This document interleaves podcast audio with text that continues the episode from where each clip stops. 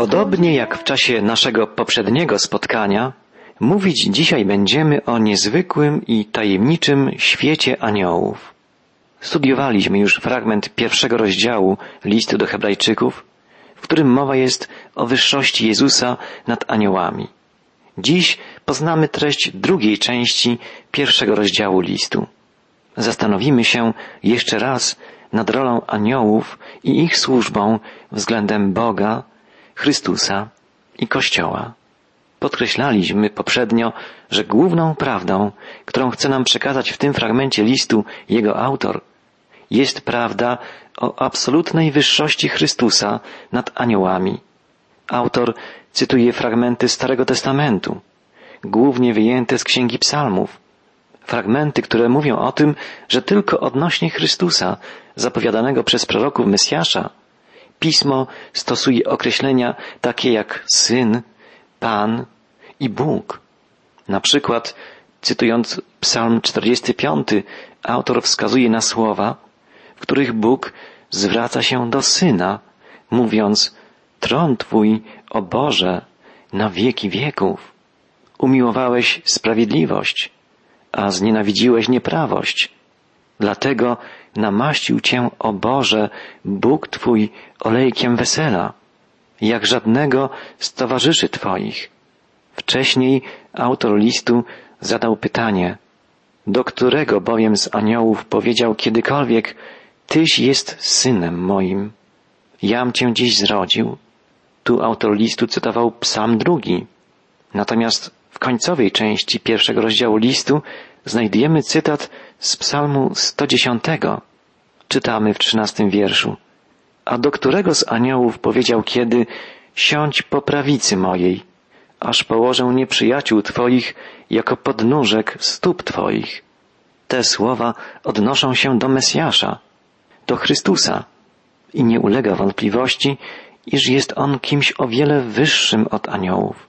Jest synem, jest Panem i Bogiem. Jak napisał apostoł narodów, upodobał sobie Bóg, żeby w nim zamieszkała cała pełnia boskości i żeby przez niego wszystko, co jest na ziemi i na niebie, pojednało się z nim, dzięki przywróceniu pokoju przez krew krzyża jego. Ponieważ w Chrystusie zamieszkała cała pełnia boskości, przeto jest on wyższy nad aniołów. Autor listu do Hebrajczyków wzywa więc, niechże mu oddają pokłon wszyscy aniołowie Boży i nazywa Syna Bożego pierworodnym. Nazywa tak umiłowanego Syna, Mesjasza, kogoś, kto został poświęcony Bogu. Chodzi tu o wskazanie na wyjątkową godność Chrystusa. Syn jest bowiem królem i Bogiem. Już w psalmie 45 król nazwany został wyraźnie Bogiem, zaś jego królestwo jest nieporównanie większe i potężniejsze od tych, jakie istnieją na ziemi. Co więcej, istnieć ma ono wiecznie. W przeciwieństwie do tego cały świat stworzony przez Boga jest przemijający, nietrwały. Czytamy od dziesiątego wiersza pierwszego rozdziału listu do Hebrajczyków. Tyś, Panie, na początku ugruntował ziemię i niebiosa są dziełem rąk Twoich. One przeminą, ale Ty zostajesz. I wszystkie jako szata zestarzeją się. I jako płaszcz je zwiniesz, jako odzienie i przemienione zostaną, ale Tyś zawsze ten sam. I nie skończą się lata Twoje. Świat stworzony przeminie, ale Bóg, Stwórca, jest zawsze ten sam, wieczny, niezmienny. Takim jest także Syn Boży, Jezus Chrystus, druga osoba trójjednego Boga, który objawia się nam w Piśmie Świętym jako Ojciec i Syn i Duch Święty. Chrystus jest Panem wszelkiego stworzenia. Jego wielkość i godność jest wielkością i godnością Boga. Po wykazaniu tej podstawowej prawdy o wyższości Jezusa nad aniołami, autor listu pisze jeszcze raz o aniołach. Czytamy w ostatnim wierszu pierwszego rozdziału. Czy nie są oni wszyscy służebnymi duchami, posyłanymi do pełnienia służby gwoli tych, którzy mają dostąpić zbawienia? Aniołowie są posłani do pełnienia służby względem tych, którzy mają dostąpić zbawienia, a więc względem ludzi wierzących. Zwróćmy uwagę, że są oni duchami, które służą Bogu. Nie posiadają więc ciał fizycznych, chociaż mogą je przybierać, gdy Bóg wyznaczy im specjalne zadanie. Aniołowie nie żenią się, ani nie wychodzą za mąż. To wynika z wypowiedzi Jezusa, zapisanej w Ewangelii Marka w rozdziale dwunastym. Biblia wspomina o aniołach niemal trzysta razy. Jak wielu jest aniołów? Nie wiemy. Możemy jedynie powiedzieć, że jest ich bardzo wielu, że świat aniołów jest tak ogromny, jak ogromne jest w ogóle Boże stworzenie. W psalmie 68 Dawid woła Wozy Boże niezliczone, mnóstwo tysięcy. Dawid mówi tu o wojskach anielskich. Wybitny komentator biblijny Matthew Henry mówi o tej wypowiedzi psalmisty, iż to aniołowie są wozami Boga, wozami wojny, których używa przeciwko swym nieprzyjaciołom, pojazdami, które zsyła po swych przyjaciół, tak jak zesłał Rydwan po Eliasza. Są też aniołowie wozami chwały, za pośrednictwem których ujawnia się Boża moc. Ich liczba jest ogromna. Wiele tysięcy aniołów stąpiło na górę Synaj, by potwierdzić świętą obecność Boga, gdy dawał on Mojżeszowi prawo zapisane na tablicach. Góra zadrżała od wstrząsu. Mojżesz oniemiał z zachwytu, patrząc na ten niezwykły kataklizm, któremu towarzyszyło stąpienie niebiańskich istot. Poza tym w Nowym Testamencie czytamy opowieść Jana o tym, jak widział dziesięć tysięcy razy dziesięć tysięcy aniołów usługujących barankowi Bożemu w sali tronowej wszechświata. Czytamy o tym Księdze Apokalipsy w piątym rozdziale. W Księdze Objawienia zapisano również, że armie aniołów zjawią się z Jezusem w bitwie o Armagedon, gdy przeciwnicy Boga zostaną zgromadzeni, by ponieść ostateczną klęskę. Apostoł Paweł w drugim liście do Tesaloniczan pisze Objawi się Pan Jezus z nieba ze zwiastunami mocy swojej. W języku greckim czytamy ze swymi potężnymi aniołami. Pomyślmy o tym. Tłumy aniołów, niesamowicie potężnych, wykonujących rozkazy nieba. Niektórzy bibliści uważają, że liczba aniołów sięga milionów. Cytują list do Hebrajczyków, dwunasty rozdział. Czytamy tu o niezliczonej liczbie, o miliardach. Jest ta liczba właściwie nieokreślona, nieskończona. Jest to ogromna rzesza aniołów. A co jest jeszcze bardziej zdumiewające, nawet jeden anioł jest nieopisanie potężny, tak jakby był przedłużeniem ramienia Boga. Aniołowie posiadają wielką moc, ale nie są wszechmocni. Są sługami wszechmocnego Boga. Służyli Bogu od początku znanej nam historii. W Księdze Rodzaju czytamy, że po wygnaniu z raju Adama i Ewy Bóg postawił u wejścia do rajskiego ogrodu cheruby z płomienistym mieczem, by strzegły drogi do drzewa życia. Wcześniej czytamy relację o upadku pierwszych ludzi. Zostali oni zwiedzeni przez szatana, który jest upadłym, zbuntowanym aniołem. To musimy podkreślić, iż szatan nie jest przeciwnikiem Boga równym mu co do autorytetu i mocy. Szatan jest jednym z aniołów stworzonych przez Boga. Niestety urósł w pychę, chciał być równy Bogu, zbuntował się przeciw Stwórcy i pociągnął za sobą część aniołów. Odtąd trwa walka w świecie duchowym.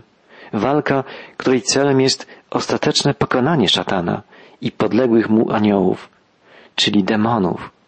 Niezwykle ciekawe jest spostrzeżenie wybitnego ewangelisty współczesnego Billy Grahama, który stwierdził, że zadziwia go fakt, iż wiele jest publikacji, rozpraw, a nawet książek poświęconych szatanowi, demonom, okultyzmowi i satanizmowi.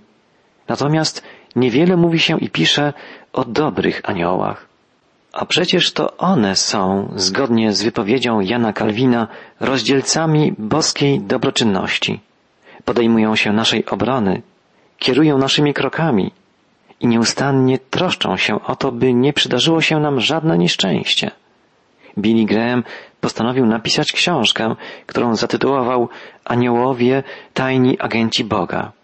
We wstępie do tej niezwykle interesującej książki Billy Graham napisał Aniołowie zajmują o wiele ważniejsze miejsce w Biblii niż szatan i jego demony. Dlatego trzeba myśleć, mówić i pisać o nich więcej niż o siłach demonicznych. Fascynujący fakt działania aniołów jest współcześnie bardziej niż kiedykolwiek istotny i doniosły.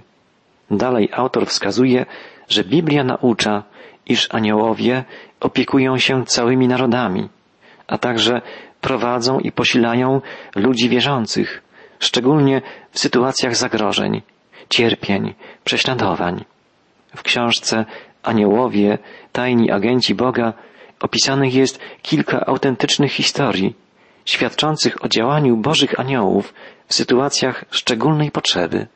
Przytoczę trzy krótkie opowieści, z których pierwsza została zamieszczona także w czytanym przez miliony ludzi na całym świecie przeglądzie Reader's Digest.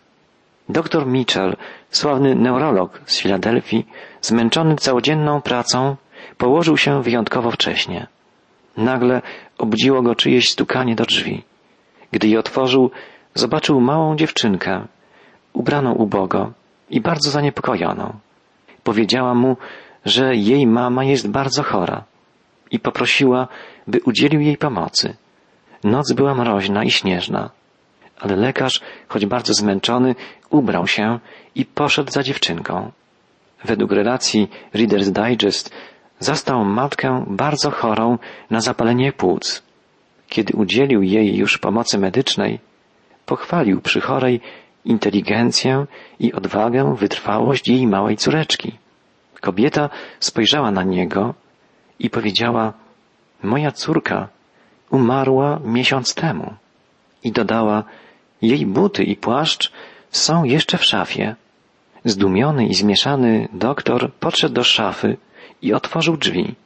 Wisiał tam ten sam płaszcz, jaki miała na sobie dziewczynka, która przyprowadziła go do matki.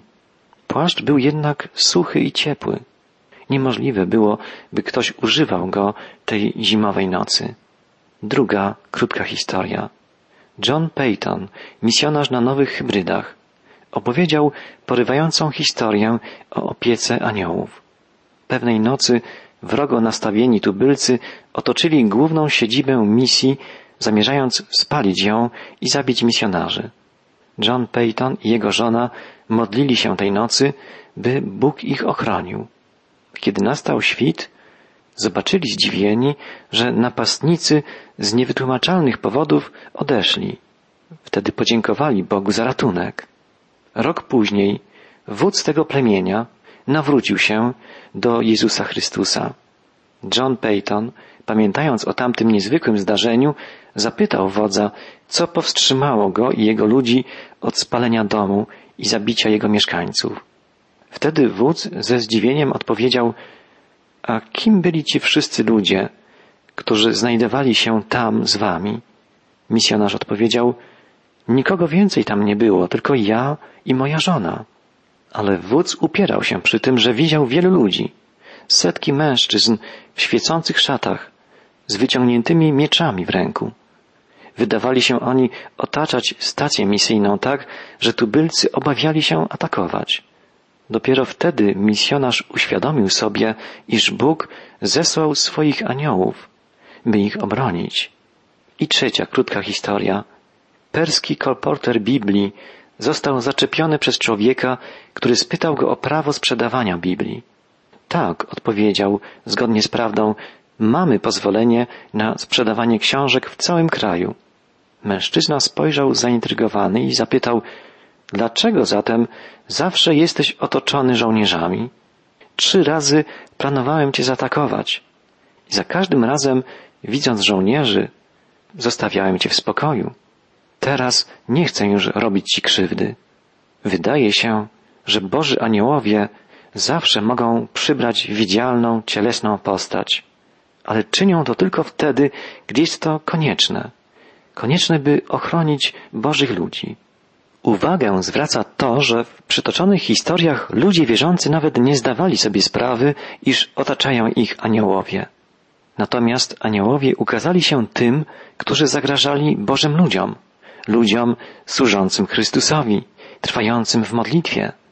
Jakże wielkie to zachęcenie do modlitwy, do służby, do trwania u boku Chrystusa dla nas wszystkich. Biblia informuje nas, że aniołowie obserwują nasze drogi i troszczą się o nasze bezpieczeństwo. Apostoł Paweł napisał do swego duchowego syna Tymoteusza Zaklinam cię przed Bogiem i Chrystusem Jezusem i wybranymi aniołami, abyś strzegł i trzymał się zasad, które ci przekazałem. Apostoł narodów przypomina Tymoteuszowi, że jego życie obserwuje Bóg, Jezus Chrystus i aniołowie, którzy pragną, by życie każdego wierzącego było prawe i zwycięskie. Pan Jezus, opowiadając przypowieść o pasterzu, który zostawił dziewięćdziesiąt dziewięć owiec, aby odnaleźć i uratować jedną zagubioną owcę, kończy swą przypowieść radosnym obrazem. Pasterz niesie w ramionach zbłąkaną owcę, dołącza ją do stada, a potem zbiera w domu wszystkich przyjaciół i mówi Weselcie się ze mną, gdyż odnalazłem moją zagubioną owcę. Jezus wyjaśnił znaczenie tej przypowieści, mówiąc Większa będzie radość w niebie z jednego grzesznika, który się upamięta, niż z dziewięćdziesięciu dziewięciu sprawiedliwych. Będzie wielka radość w niebie. Aniołowie będą się radować wraz z Chrystusem, Zbawicielem, dobrym pasterzem. Przypowieść tę znaleźć możemy w piętnastym rozdziale Ewangelii Łukasza, gdzie zapisana jest też następna pouczająca historia. Owa druga przypowieść Jezusa dotyczy kobiety, która zgubiła wartościową monetę. Szukała jej wszędzie. Zamiotła ostrożnie cały swój dom. W końcu, gdy odzyskała monetę, zwołała wszystkich swych przyjaciół i sąsiadów, mówiąc Weselcie się ze mną, gdyż znalazłam drachmę, którą zgubiłam. Taką jest, mówię wam, radość wśród aniołów bożych nad jednym grzesznikiem, który się upamięta. Zakończył swoją przypowieść Pan Jezus. Czy w tych dwóch przypowieściach nie mówi nam Pan, że aniołowie nieba patrzą na każdego człowieka? Znają stan duchowy wszystkich ludzi zamieszkujących ziemię. Nie tylko Bóg kocha Cię, aniołowie kochają Cię także. Pragną, żebyś pokutował i zwrócił się do Chrystusa z prośbą o zbawienie, zanim nie będzie za późno. Aniołowie tak bardzo troszczą się o Ciebie i o mnie, bo znają okropne niebezpieczeństwa piekła, które oczekuje niewierzących. Chcą, żebyś zwrócił się w kierunku nieba, ale wiedzą, że jest to decyzja, którą tylko Ty sam możesz podjąć. Pewnego dnia młody, bogaty człowiek przybiegł do Chrystusa, upadł przed nim na kolana i zapytał, Nauczycielu dobry, co mam czynić, aby odziedziczyć życie wieczne? Ewangelista Łukasz podaje, że kiedy Piotr wygłaszał niewielkie kazanie w czasie zielonych świąt, ludzie byli poruszeni do głębi i rzekli do Piotra, co mamy czynić? Dostojnik z Afryki jadący powozem przez pustynię rozmawiał z Filipem. Nagle zatrzymał wóz i powiedział, cóż stoi na przeszkodzie? O północy stróż więzienny Filipi zapytał Pawła i Sylasa, panowie, co mam czynić, abym był zbawiony? Ludzie współcześni również zadają często takie pytania. Pytania te są stare, a jednocześnie zawsze nowe. Jest tak samo ważne dzisiaj takie pytanie, jak było w przeszłości. Co mam uczynić, żeby wywołać radość wśród aniołów? Jak mogę pojednać się z Bogiem? Jak mam pokutować za swój grzech? Prosto postawione pytanie wymaga prostej odpowiedzi. I znajdujemy tę odpowiedź w Biblii w wielu miejscach. W dziejach apostolskich czytamy, że stróż więzienny z Filipi zapytał apostoła Pawła, co mam czynić, abym był zbawiony. Jedyny sposób, w jaki możesz być nawrócony, to uwierzyć w Jezusa Chrystusa i przyjąć Go jako osobistego Pana i Zbawiciela. Tak właśnie odpowiedział apostoł. Uwierz w Pana Jezusa Chrystusa, a będziesz zbawiony Ty i dom Twój. Drogi przyjacielu, nie staraj się najpierw porządkować swojego życia. Nie jesteś w stanie tego uczynić sam. Nie próbuj rezygnować z różnych swoich przyzwyczajeń, które trzymają cię być może z dala od Boga. Starałeś się już to czynić, ale twoje siły cię zawiodły. Przyjdź do Jezusa takim, jakim jesteś. Ślepy człowiek przyszedł do Jezusa taki, jaki był. Trędowaty przyszedł w podobny sposób. Złodziej na krzyżu, złoczyńca, przyszedł takim, jakim był. Poprosił Jezusa o dar zbawienia. Możesz przyjść do Chrystusa właśnie teraz, gdziekolwiek jesteś, takim, jakim jesteś, a aniołowie w niebie będą się radować. To wszystko, co dzisiaj krótko mogliśmy powiedzieć o świecie aniołów. Pamiętajmy, że są one dobrymi duchami, że są sługami Boga i że ponad nimi króluje Pan Jezus Chrystus. On pragnie naszego zbawienia. Jako wszechmocny Bóg jest w stanie ocalić nas na wieki. Zwróćmy się ku Niemu całym sercem, a będziemy się radować wraz z aniołami, gdy Chrystus, nasz Zbawiciel, przyjdzie, by zabrać nas do swego królestwa.